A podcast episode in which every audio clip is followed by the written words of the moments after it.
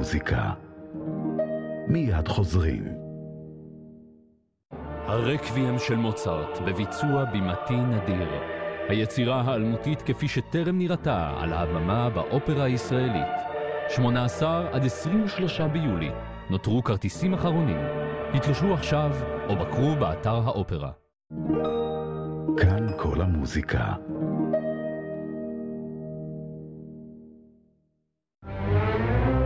אנחנו כאן כל המוזיקה.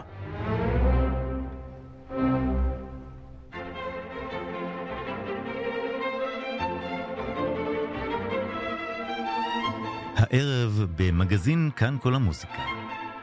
אומן המנדולינה אבי אביטל נמצא בארץ לקונצרטים עם הקמרטה הישראלית ירושלים, וזו הזדמנות מצוינת לדרוש בשלומו. הפסנתרנית דריה מוסינזון הייתה מוזיקאית קלאסית, עד אשר בגיל 25 התאהבה במוזיקה של אלג'יר ומרוקו, ועשתה הסבה, שלא לומר מהפך, בקריירה. אנחנו נשוחח איתה. המנצח צבי מניקר יספר לנו על הקונצרט מיסטר מוצרט ודוקטור היידן, אה, קונצרט של תזמורת הברוק ירושלים. נדבר קצת על הקונצרט שהתקיים אמש בתזמורת הסימפונית ירושלים, אותו גם שידרנו כאן בשידור חי, הקונצרט מורים ורעים, ונחגוג יום הולדת 70 לזמרייה, אולי מוסד המקהלות הוותיק בישראל. מגזין כאן כל המוזיקה, איתכם עומר פרנקל, יוצאים לדרך.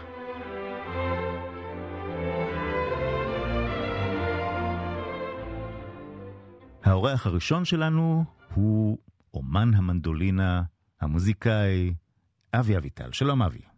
היי, שלום. מה שלומך? מצוין. אה, אני שמח שהצלחנו לתפוס אותך לדקה בארץ. אה, זה, זה לא דבר כל כך שכיח, נכון? אה, נכון, כן ולא. אני אוהב לבוא לבקר כאן את המשפחה, אבל, אבל כן, עכשיו השבוע אני פה לקונצרטים, ושבוע מלא, גם בחזרות וגם בהרבה קונצרטים. הקונצרט שאתה מנגן בו ומשתתף בו, כותרתו הפילוסוף.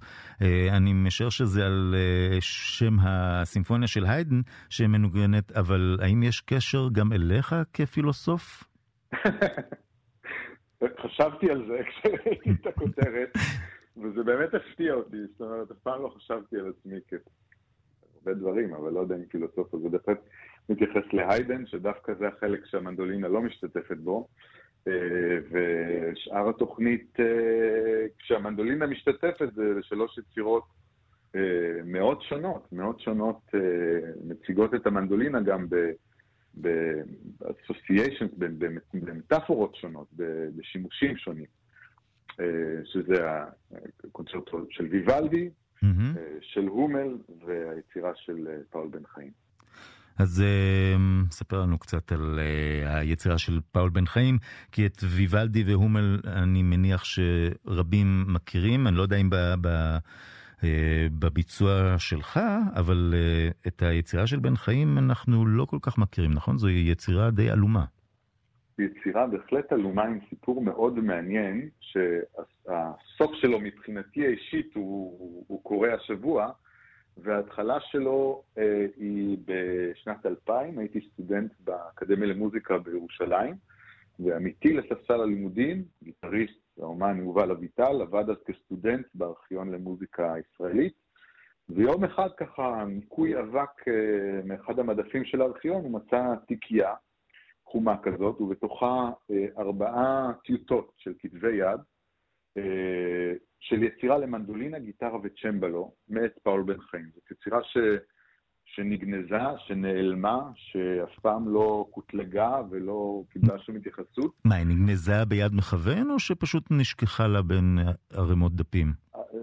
מה שאני יודע היום זה שהיא, שהסיפור הוא קצת יותר אה, מורכב מזה. זאת אומרת, לפי, ה, אה, לפי התיירוך של הטיוטות, הטיוטה האחרונה אה, והגמורה, שהיא יצירה לטריו, אה, מתוארכת, כל פרק הוא מתוארך. אה, הפרק הראשון נובמבר 68, הפרק השני גם בסוף נובמבר 68, ואז נגן הצ'מבלו, פרנק פלג, וידידו המאוד טוב והקרוב של פאול בן חיים, נפטר בדצמבר, זאת אומרת, תוך כדי כתיבת הטריו, במהלך כתיבת הפרק השלישי של הטריו, חברו הטוב של פאול בן חיים, אליו נכתבה היצירה, נפטר. ואז, לפי הטיוטות, הדבר הבא הוא שהוא משלים במין חוסר חשק את הפרק השלישי, אה, רואים את זה ממש אפילו בכתב היד, ואז במרץ של 69, כלומר כמה חודשים אחרי זה, פתאום צצה יצירה, אה, אה, סונטה לכלי מיתר, שיש בתוכה גם סקציית כלי פריטה, אבל שתי תזמורות, הפעם לזכרו של פרנק פלג. Mm-hmm. אז uh, מהסיבה הזאת הוא גנז, הוא בעצם גנז את היצירה שהוא התכוון לכתוב לפרנק פלג, uh, בגלל שהוא נפטר וכתב יצירה אחרת, שהיא אותה מוזיקה למעשה, uh, לזכרו. מה, מה, אפשר מבצעים. מה אפשר להגיד על המוזיקה של היצירה הזאת? אז תראה, דבר ראשון, אם, אם לוקחים באמת את הרעיון המקורי של, של גיטרה, מנדולינה וצ'מבלו, וגם המוזיקה עצמה, יש פה ניסיון ברור לחכות כלים שהם גם, זאת אומרת, לקחת כלים שהם מערביים, קלאסיים, אה, כל השלושה האלה, שהם בעצם גם, יש להם איזשהו רפרור, יש להם איזה, איזה משחק סונורי עם כלים, אה, עם כלים אה, מזרח תיכוניים. זאת אומרת, התפקיד גיטרה הרבה פעמים נשמע כמו אוד, הצ'מבלו נשמע הרבה פעמים כמו קנון במרקמים שפאול בן חיים משתמש. אפשר, אפשר, אפשר הדגמה קטנה, אם במקרה אתה... זה ה...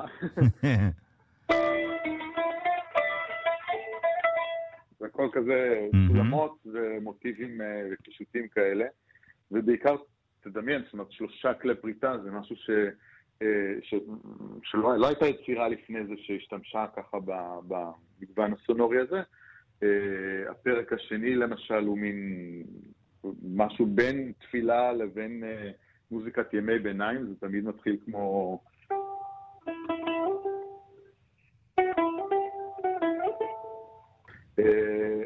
אז, מהנקודת, אם מסתכלים על היצירה מנקודת המוצא, כאמור, גנוזה, העלומה שלה, אה, באמת יש פה מחקר וניסיון לעשות, להביא את העולם הצלילי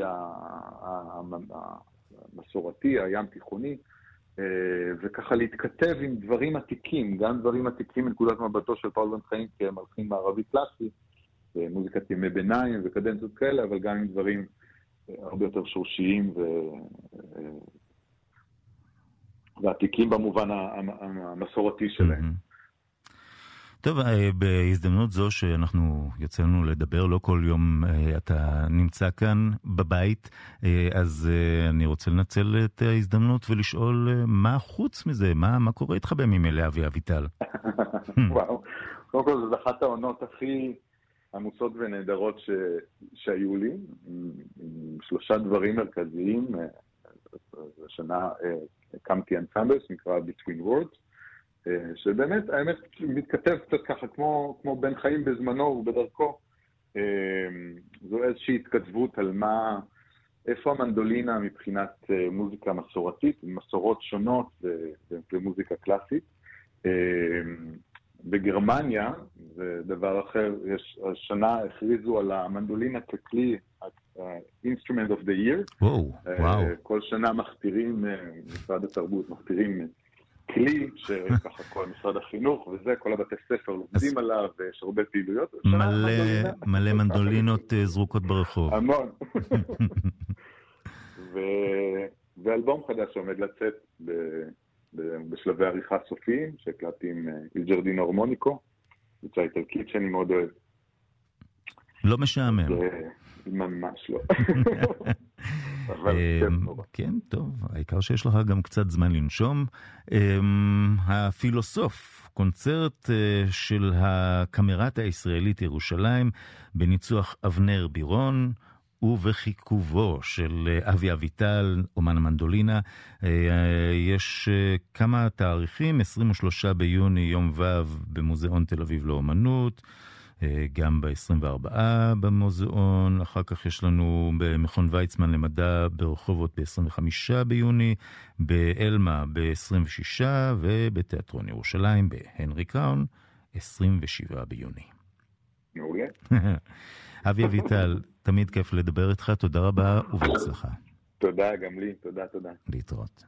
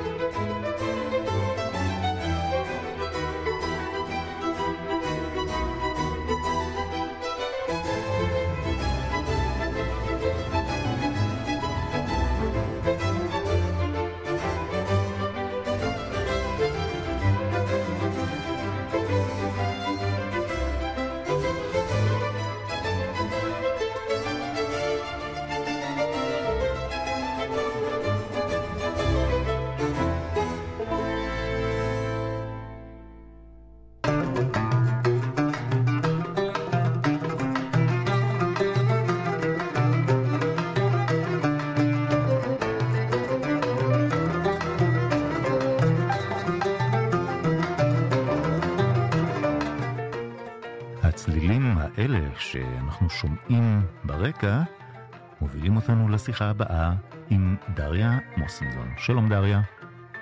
שלום. מה שלומך? אה, מצוין. דריה, את, על מה את מנגנת פה, מה שאנחנו שומעים ברקע? אה, אני מנגנת בפסנתר, אה, מנגנים איתי ביחד שרלי סבח באוד, הלל אמסלם בכלי הקשה ואלעד לוי בכינור. אמ, ובגדול ההרכב שלי אה, הוא עם שרלי והלל ומארח את אלעד לוי, כמו ששומעים כאן. אז אה, בוא, בוא נלך אחורה אחורה וספרי לנו על עצמך, את אה, פסנתרנית קלאסי, ושעשית איזושהי מהפכה בחיים שלך או בקריירה, נכון? נכון.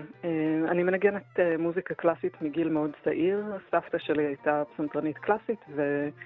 אמ, בצד של אימא שלי, אמ, בעצם כל, כל, המשפחה ניגנה בדרך זו או אחרת. אמ, וככה אני התחלתי מתוך, ה, מתוך המקום הזה.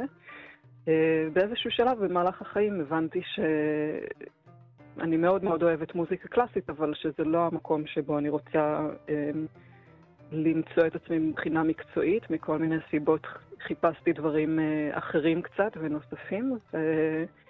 אה, אחרי איזה טיול מצאתי את הדברים האלה במוזיקה הצפון אפריקאית. מה משך אותך, ב... מה משך אותך במוזיקה הזאת? אמ, זה, זה המון דברים, אבל אה, קודם כל זה היה סוג של התאהבות. זאת אומרת, זאת מוזיקה נורא נורא נורא יפה, ומהרגע הראשון ששמעתי אותה היא, היא מוזיקה עם המון המון גוונים והמון עומקים, ואני חושבת שגם חשוב להגיד, ולא כולם יודעים, זאת מוזיקה מאזור גיאוגרפי מאוד מאוד גדול, אה, שמוכרת לנו מכמה מאות שנים אחורה, ויש שם גם ז'אנרים של... מוזיקה יהודית וגם ז'אנרים של מוזיקה של, של שבטים שונים ממרוקו ואלג'יריה וגם ז'אנרים של מוזיקה מוסלמית וכל הדברים האלה, כאילו זה באמת עושר אינסופי של סוגים שונים של מוזיקה, אמ, שהרבה מהם באמת מהרגע הראשון מאוד אה, דיברו אליי ומצאו חן בעיניי. אה, אני חושבת שמעבר לזה גם אמ, זאת אומרת, יש, יש שני דברים שקורים שם בו זמנית מבחינתי. אחד זה שיש עומק נורא נורא גדול של הבעה, ויש לי מקום מבחינת הפסנתר גם. להמציא דברים ולהתחבר למסורות ולהביא ו... הבעה מאוד מאוד עשירה. ומצד שני, אמ, יש אה, משהו ש... שהיה לי חסר, אני חושבת, הרבה זמן, והוא של משהו נורא נורא חם ונושי מול הקהל. אמ. וזה אה, משהו לא, שאני נורא אוהבת. במילים אחרות, לא יושבים עם עניבות ומקלפים סוכריות בקונצרט, נכון? אפשר, אפשר הכל. אתה יודע, אני חושבת שיש משהו נורא פתוח במוזיקה הזאת שמאפשר המון סוגים שונים של אינטראקציות, גם בתוך המוזיקה וגם פשוט ב... בחדר. אבל נקודה אחת שלא דיברנו עליה, היא, את, את בחרת אה, ללכת בעקבות המוזיקה הזאת כי התאהבת בה, אבל לא, לא השארת מאחור את חברך הפסנתר, כלומר, גייסת אותו לצורך העניין. אמ, אז האמת היא שזה כלי שקיים במוזיקה הזאת כבר לא מעט שנים. אמ, אני חושבת שבין היתר בהשפעת הכיבוש הצרפתי שהיה באזורים של, אה, של אה, מרוקו ואלג'יריה, יש כמה פסנתרנים מדהימים ש, שגם זכיתי ללמוד אצל אה, כמה מהם, אה, שמתמחים בנושאים האלה של מוזיקה מרוקאית ואלג'ירית, ויש כמה אסכולות מאוד מאוד מעניינות של מוזיקה, אה, גם בטטואן, בצפון מרוקו, ששם מנגנים מוזיקה קלאסית מרוקאית בפסנתר, זאת אומרת מוזיקה בת 500 שנה ואולי יותר. ויש ממש אסכולה מאוד מעניינת ומובנית של פסנתר שם. אה, ויש גם אה, פסנתרנים כמו מוריס אלמדיוני מאלג'יריה, אה, מוריס פסנתרן יהודי אלג'ירי בן 95 עוד מעט, שחי בנתניה היום. ובעצם סוג של אמציא סגנון של, של פסנתר שנקרא ראי. נורא נורא נורא יפה. אז כאילו זכיתי ללמוד מכמה מורים מאוד מאוד גדולים, בין אם זה ממש לשבת איתם ובין אם זה לשמוע את המוזיקה שלהם. אמ, ו... אז זה לא אני המצאתי, אבל uh, עדיין כן, זה לא אחד מהכלים הכי מסורתיים במוזיקה הזאת, כמו אוד לצורך העניין, או כמו דרבוקה, שיש להם כאילו באמת מסורת uh, עוד יותר ארוכה. כן. עכשיו, uh, את יכולה לנסות ולהגדיר לי מה היה האתגר הגדול ביותר במעבר מ... Uh, המינור מז'ור המערבי למקום שבו את נמצאת היום? זאת שאלה יפה. אני לא יודעת אם יש אתגר אחד, יש, אה, יש הרבה אתגרים. אני חושבת שבאיזשהו מקום אני נורא אוהבת ללמוד ואני נורא אוהבת להתאמן, אז דווקא החלק הזה של פשוט להתמסר וללמוד באיזשהו מקום, הוא בא לי בצורה מאוד טבעית ואני מאוד אוהבת אותו. אמ, אמ, אני חושבת שיש יש תמיד אתגר של uh, להבין שפה חדשה, וכשהתחלתי לנגן פסנתר במסורות האלה, הרגשתי שאני מתחילה לנגן כלי חדש, uh, עם באמת תפיסה אחרת של איך מתקשרים דרך מוזיקה. אז כאילו, יש, יש הרבה אתגרים סביב הדבר הזה. אני מאוד מאוד נהנית מלעסוק uh, בהם. ותמיד בתור מוזיקאית יש גם, אתה יודע, את האתגרים האלה של היום-יום, של... Uh, גם, אה, גם ליהנות ממה שאני עושה ולבחור בקפידה שכל מה שאני עושה יהיה משהו שאני מאמינה בו, וגם להתפרנס, אתה יודע, דברים שהם יותר, אה, כן. יותר פשוטים וקונקרטיים. ושאלה נוספת שמאוד מסקרנת אותי, את uh, זנחת את המוזיקה הקלאסית להנחות? לא, ממש לא. מוזיקה קלאסית היא, היא, היא קצת חלק מה-DNA שלי, כאילו, אני עדיין שומעת, אני עדיין מנגנת, אני עדיין מלמדת. את עדיין פותחת את הבוקר באתיוד. אמ, יותר נפוץ שאני אפתח את הבוקר בקטע של מוריס אלמדיוני היום. אבל בהחלט באך יגיע מתישהו אחר כך ושופן יגיע מתישהו אחר כך, ו... ובאמת אני גם, אני גם מלמדת פסנתר, אז כאילו הנושא הזה של לערב בין הז'אנרים הצפון אפריקאים לבין מוזיקה קלאסית, אה, ולהתמחות בכל אחד מהם, זה משהו שאני מנסה להעביר גם לתלמידים שלי. מה החלום? מה החלום? אה, מה שאני עושה זה די, זה די לממש את החלום מבחינתי. כאילו, אני רציתי לנגן מוזיקה שאני נורא אוהבת, ולחלוק איתה עם אנשים שאני אוהבת, ו, ואני זוכה ממש לעשות את זה. איזה כיף. אמ, יפה, השיחה שלנו מתקיימת אה, ברקע הופעה שתהיה בקרוב, ב-26 ביוני. נכון, זה מופע סיום סדרה אה, שמוקדשת ליהדות מרוקו, שעורכת אה, רבקה אדרת באנו מוזיאון העם היהודי, אה, שזה בבית התפוצות באוניברסיטת תל אביב. זאת הזדמנות ראשונה שהטריו שלי משתף פעולה עם הזמר הנהדר ליאור אלמליח. אז יהיו איתי כמובן שרלי סבח באוד והלל אמסלם בכלי הקשה, אני אנגן בפסנתר וליאור ישיר. זו הזדמנות מאוד מיוחדת, אני מאוד מצפה להופעה הזאת. יש אה, גם קומפוזיציות שלך, או שזה הכל כן. אה, מבוסס על לחנים מסורתיים? כן, כן. זה... בעצם בעבודה שלי היום אני כל הזמן משלבת בין אה, מוזיקה מקורית שלי, שכתבתי בהשראת מוזיקה צפון אפריקאית ומוזיקה שגדלתי עליה. אז גם שם, כאילו, איפשהו ברקע יש את, ה, את הנושא של מוזיקה קלאסית. אמ, אני משלבת את המוזיקה המקורית הזאת עם אה, עיבודים למוזיקה צפון אפריקאית. אז אה, אנחנו עכשיו נשמע את הקטע כולו, בשקט, בלי להפריע. מה שמו של הקטע? הקטע זה אמ, טושיה ביאט, זה קטע מקורי שכתבתי בהשראת אה, מוזיקה מרוקאית שנקראת שרבי. אמ, אז אה, בהשראת מלחינים כמו אלברט סוויסה, סלימאן אל-מגרבי, אה, בהשראת זמרות כמו ריימונד, שזכיתי גם אה, לעבוד איתה לא מעט בשנה האחרונה. אמ, אז זה טושיה ביאט.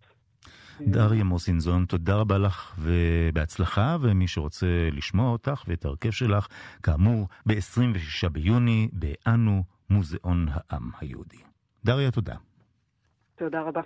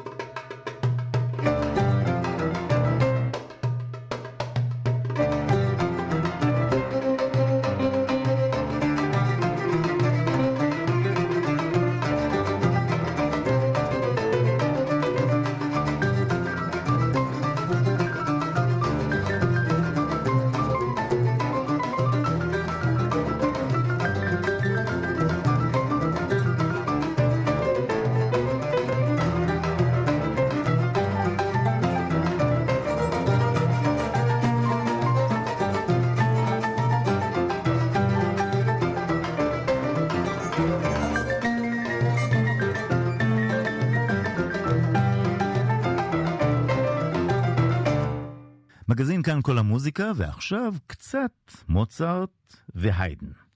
אנחנו אומרים שלום למנצח דוקטור צבי מניקר. שלום. מה שלומך?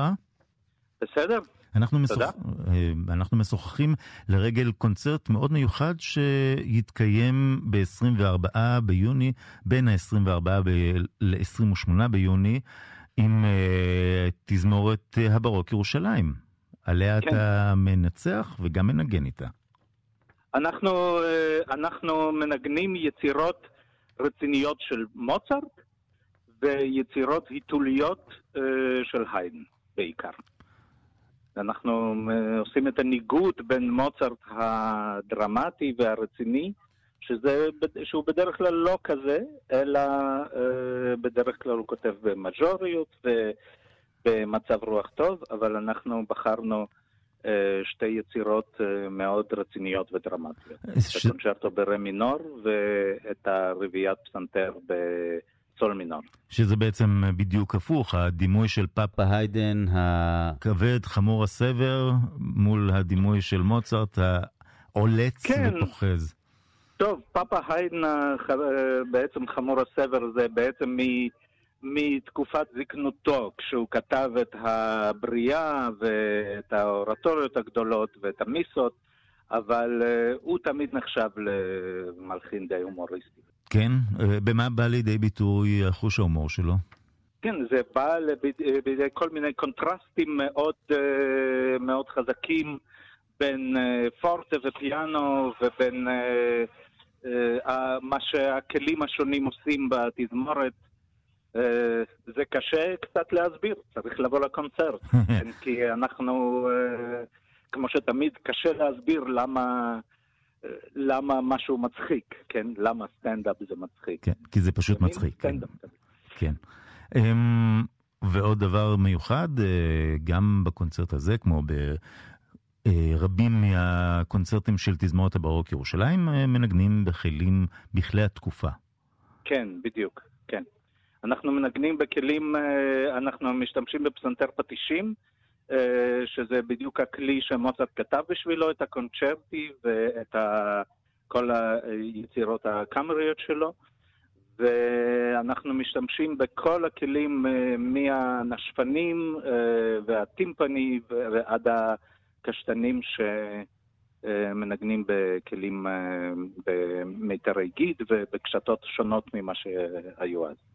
אני מסקרן אותי לדעת איך אתה בכלל אה, מתחבר עם היידן ומוצרט, שאתה בכלל מגיע ממחקר על שופן.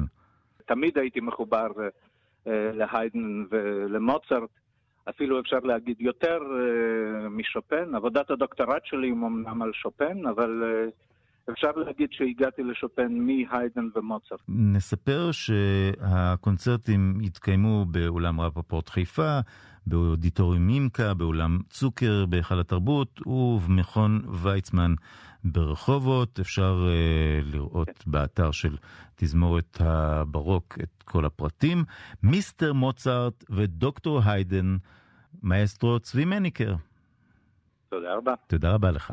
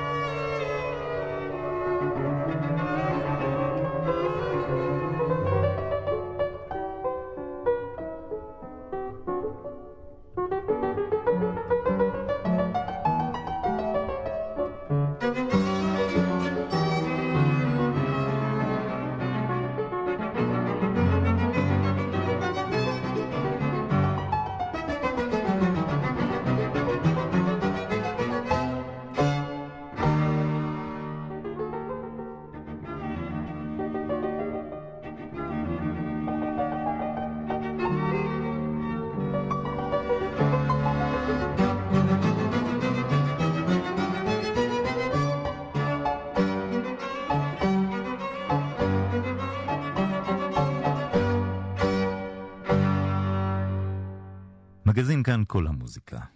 אתמול הבאנו בשידור חי את uh, קונצרט התזמורת הסימפונית ירושלים, שכותרתו על מורים ורעים, שידרנו אותו כאן, בכאן כל המוזיקה, ואנחנו רוצים uh, לשוחח קצת על הקונצרט המיוחד הזה עם נגן הוויולה הראשי של התזמורת, עמוס בועזסון. שלום לך, עמוס. שלום, עומר. איך היה?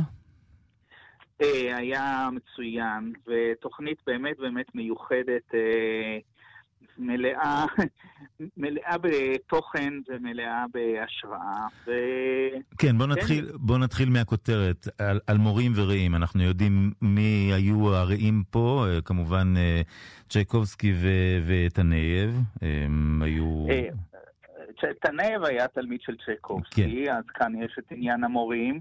אה, רחמנינוב היה תלמיד של תנאייב, אז גם פה אה, יש לנו את אותו אה, קשר. רספיגי היה רע וידיד של רחמנינוב, וקיבל ממנו אישור אה, אישי לתזמר את הטיוד טבלו שלו לתזמורת. ויצאה יצירה מקסימה שמנוגנת לעיתים רחוקות, אה, לצערי. בארץ, אה, אני לא יודע, אולי זאת הייתה פעם ראשונה בארץ. באמת? וגם הסימפוניה מספר 4, נכון? הסימפוניה מספר 4 של טנייב אה, היא אה, לדעתי גם כן פעם ראשונה בארץ. טנייב היה, סרגיי טנייב, הוא היה צעיר מצ'ייקובסקי ב-16 שנים, והיה תלמיד שלו במוסקבה.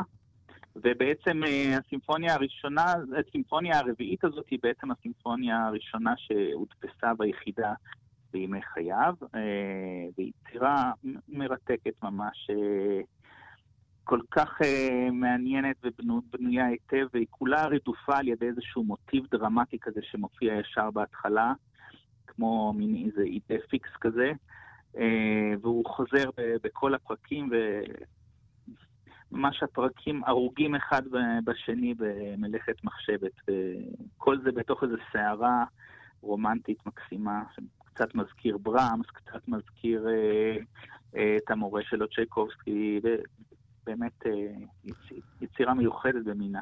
ובאמת, אה, כשאני חושב על זה, אז אה, לא מרבים לנגן יצירות מתנייב אה, באולמות הקונצרטים. יש לך נכון, מושג כן. מה קרה שם בדרך? אני לא יודע בדיוק מה קרה בדרך, אבל בזמנו הוא זכה להערכה מאוד מאוד גדולה של, גם של צ'ייקובסקי.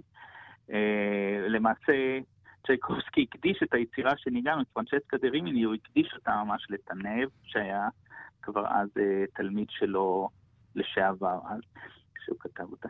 אה, אני, אני עצמי הקלטתי לכל המוזיקה פעם יצירה קטנה של תנב, אז מדי פעם כן מנגנים, הוא כתב מוזיקה טאמרית די הרבה, ו... אבל באמת לא, לא, לא מספיק מנוגן. כן. לא. ועל הקונצרט הזה ניצח מיודענו ליאון בוטשטיין, שחזר אל התזמורת. נכון, אז uh, ליאון בוטשטיין, שהוא היה המנהל המוזיקלי שלנו במשך שמונה שנים בתחילת המילניום, uh, עכשיו הוא מנצח בר כבוד אצלנו, והוא חוזר מדי פעם לנצח על, התוכניות המרתקות האלה שהוא יוצר, ובאמת אה, baby שלו, התוכנית הזאת, הקשרים בין, בין היצירות, ו... והתגליות האלה, כמו של טנייב ושל התזמור של רספיגי לרחמנינוב. כן. טוב, אז מי שפספס את הקונצרט אתמול, מוזמן להיכנס לאתר כאן כל המוזיקה ולשמוע. אמ, ההקלטה הזאת תהיה באתר בשבועות הקרובים. אמ, כמה מילים על הקונצרטים הבאים של סימפונית ירושלים אולי? בקרוב אה, יש לנו קונצרט עם המנהל המוזיקלי שלנו היוצא, אה, סטיבן סלון, האסטרו סטיבן סלון. אנחנו מנגנים אה, את הסימפוניה התשיעית של מאלר. אחר כך יש לנו סרט בבריכת הסולטן ועוד כל מיני תוכניות קיץ יפות. זהו, זה עד סוף יולי העונה שלנו. כן. ואת העונה הבאה אנחנו נתחיל בסתיו אה, עם, המנצ... עם המנהל המוזיקלי שנבחר עכשיו החדש שלנו, ג'וליאן רחלין. יפה.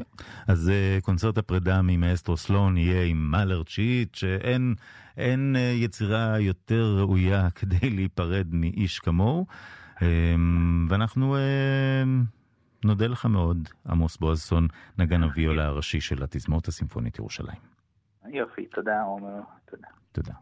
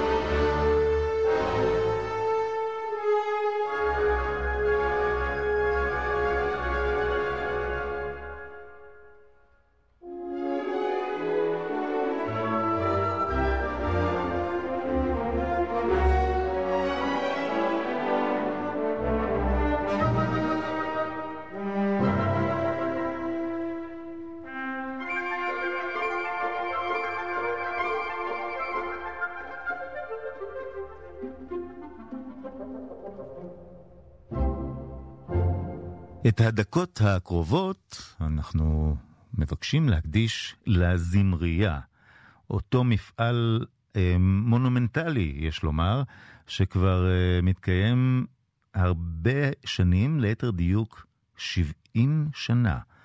אנחנו מציינים 70 שנה לזמרייה. שלום, אבי פיינטוך. שלום, עומר. המפיק של הזמרייה, ואתה תכף בטח תספר לי על ההיסטוריה של האירוע הזה, אבל אה, לי היה רושם שכבר אין זמריה יותר, נכון? לא, דווקא יש, חיה, נושמת, בועטת. כן, וזה עדיין אה, האירוע המקסים הזה שמתקבצים מכל קצווי תבל זמרים וזמרות. לא כל כך מכל קצווי תבל, מכל קצווי תבל יותר אה, מנחי הסדנאות, המנצחים שמגיעים מחו"ל. טים בראון, אנדרי דה קוואדרוס, כל המובילים בשטח הווקאלי שמגיעים להנחות את הסדנאות כאן. אבל השנה הזמרייה חוגגת 70 שנה להיווסדה ו-75 שנה למדינה. וזאת זמרייה מאוד מאוד מיוחדת, כי היא נקראת בין קודש לחול, מה שנותן מבחר עצום של אפשרויות uh, גיוון במסר המוזיקלי שאנחנו מעבירים. רגע, רגע, רגע, דבר דבר. למי שלא מכיר, ספר קצת על הזמרייה. מהו המוסד הזה? הזמרייה הוקם בזמנו על ידי uh, צבי פרופס ממשרד התיירות, שהחליט ושכנע את בן גוריון להביא מקהלות יהודיות מכל העולם לישראל להופיע, לטום את הארץ הזאת, מתוך כוונה שבשלב יותר מאוחר יעשו עלייה. כן. זה הצליח uh, בשנים הראשונות, ולאט לאט uh, התמעטו המקהלות היהודיות בעולם. אין הרבה כיום. ואז הזמרייה עברה גם למקהלות שהן לא יהודיות, כדי לשמור על המפעל הזה. וזה עבד, והגיע אז אה, הקורונה המפורסמת, mm-hmm. ועצרה את כל העסק אצל כולם, ודווקא ממש לפני הקורונה הספקנו לעשות זמריית שילובים, שהייתה מאוד מיוחדת, כי היא שילבה מקהלות יהודיות ומקהלות ערביות. מאוד מאוד מיוחד. אתה יודע, לי יש אה, זיכרון מגיל צעיר שבו אני כאן מגלה סוד. אה, אני השתתפתי כזמר מקהלה צעיר בזמריה.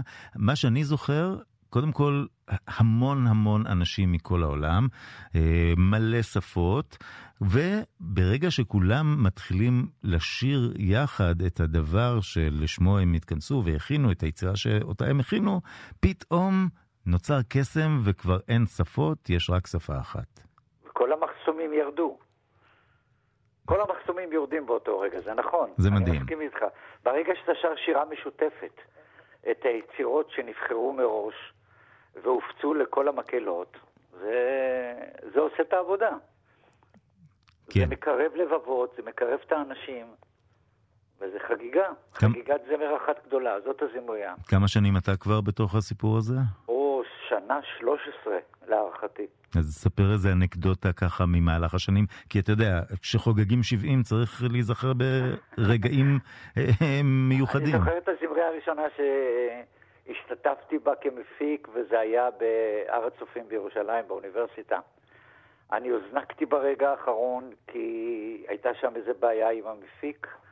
לצערנו, המפיק האגדי הלך לעולמו. Mm. ואני הוזנקתי ברגע האחרון לעזור להם, ומאז אנחנו ביחד. מה, ממש כמו לנארד ברנסטיין. אז אנחנו ביחד. אני חייב, אני חייב, תשמע, יש פה אה, מנכ"ל שמוביל את כל העסק, יוסי פרוסט, ואי אפשר שלא להזכיר את האיש היקר הזה. כמובן. שהוא מר תרבות בעיניי, כן? כן. יותר מכל דבר אחר. אז אה, בוא תגרה קצת את המאזינים שלנו, אה, מתי, איפה, מה מימון. המופעים המרכזיים. כן. בערב הראשון יש ערב פתיחה חגיגי שמופיעות בו, אה, מופיעות בו, מופיעים בו כל מיני הרכבים עם כל מיני יצירות מקוריות. זה ערב הפתיחה, מנחה אותו זוהר בהלול. ושאול גלעד, שני מנחים. רגע, אני השני... חושב שצריך להסביר מדוע זוהר בהלול מנחה אותו. כי זוהר הוא הכואי, והזמרייה מתקיימת בעכו. את זה שכחנו לציין. מעל עשר שנים. כן. וזוהר משתף איתנו פעולה תמיד. כן. ביום השני מעלים את כרמינה בורנה, אה, עם הניצוח של טים בראון האנגלי. Mm-hmm. כל מקהלות נונה ומקהלת אה, הגליל העליון, עם רון זרחי. Mm-hmm. ביום השלישי שירת הבקשות של הפייטן זיו יחזקאל עם אנסמבל פייטנים ועם אנסמבל נגנים צמוד, מופע מרהיב ביופיו ובאיכותו ומאוד מומלץ כי זה נסמך על, uh, על השירה ועל הפייטנות של יהודי חלב. Mm-hmm. זה פשוט מרגש ביותר. וביום האחרון יש לנו את רביעיית הגולדן גייט האגדית. שהם באים להופיע בישראל. נשמע מעניין. אה, לאורך כל היום, מקהלות, מקהלות, מקהלות שעושות סדנאות ומופיעות. נגיד, סדנה לוקחת יומיים, אז בתום היום השני יש קונצרט סיום סדנה לכל המשתתפים. אה, יש קונצרטים של המקהלות עצמם. מקהלת האיחוד למשל עם אה, רונן אה, אה, מעלים קונצרט של תולדות שירת המקהלה. רונן בורשבסקי. שווה לבוא, גם ביום וגם בערב. אז מי שמעוניין, לאן צריך להגיע? מה... אולמות האבירים, עכו העתיקה במהלך היום, והיכל התרבות בעכו במהלך הערב. הזמרייה, 70 שנה, זמריית קודש לכל. הזמרייה חוגגת 70 שנה, בין 25 ל-28 ביוני, בעכו. אבי פיינטוך, תודה רבה לך. תודה לך, עומר. להתראות.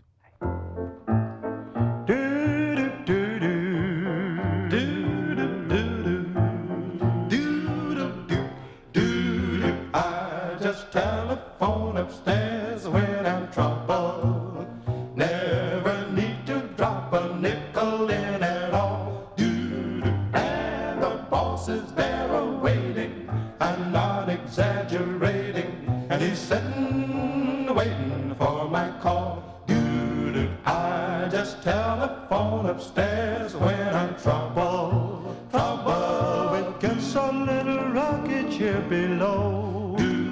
And the boss's phone is ringing. My weary heart stops singing. And suddenly I hear him say hello.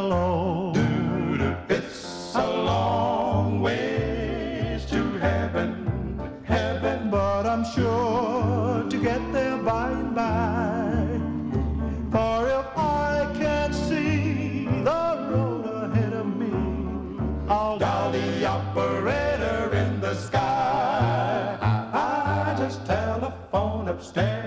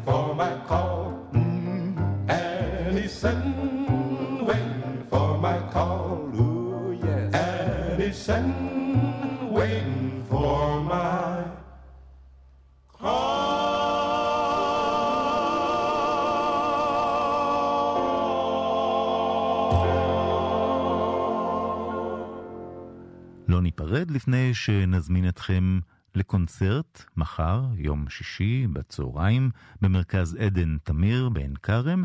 אמ, זהו הקונצרט, ואחריו אה, טקס הענקת הפרסים לסטודנטים הזוכים בתחרות למוזיקה קאמרית על שם דינה תורגמן באקדמיה למוזיקה ולמחול בירושלים. אז כאמור, טקס הענקת הפרסים וקונצרט הזוכים מחר בשעה 12 בצהריים במרכז עדן תמיר. בירושלים. עד כאן המגזין לשבוע זה, תודה רבה ללינה ליפקין ולדנה גזית המפיקות. עומר פרנקל מאחל לכולכם סוף שבוע נהדר. להתראות.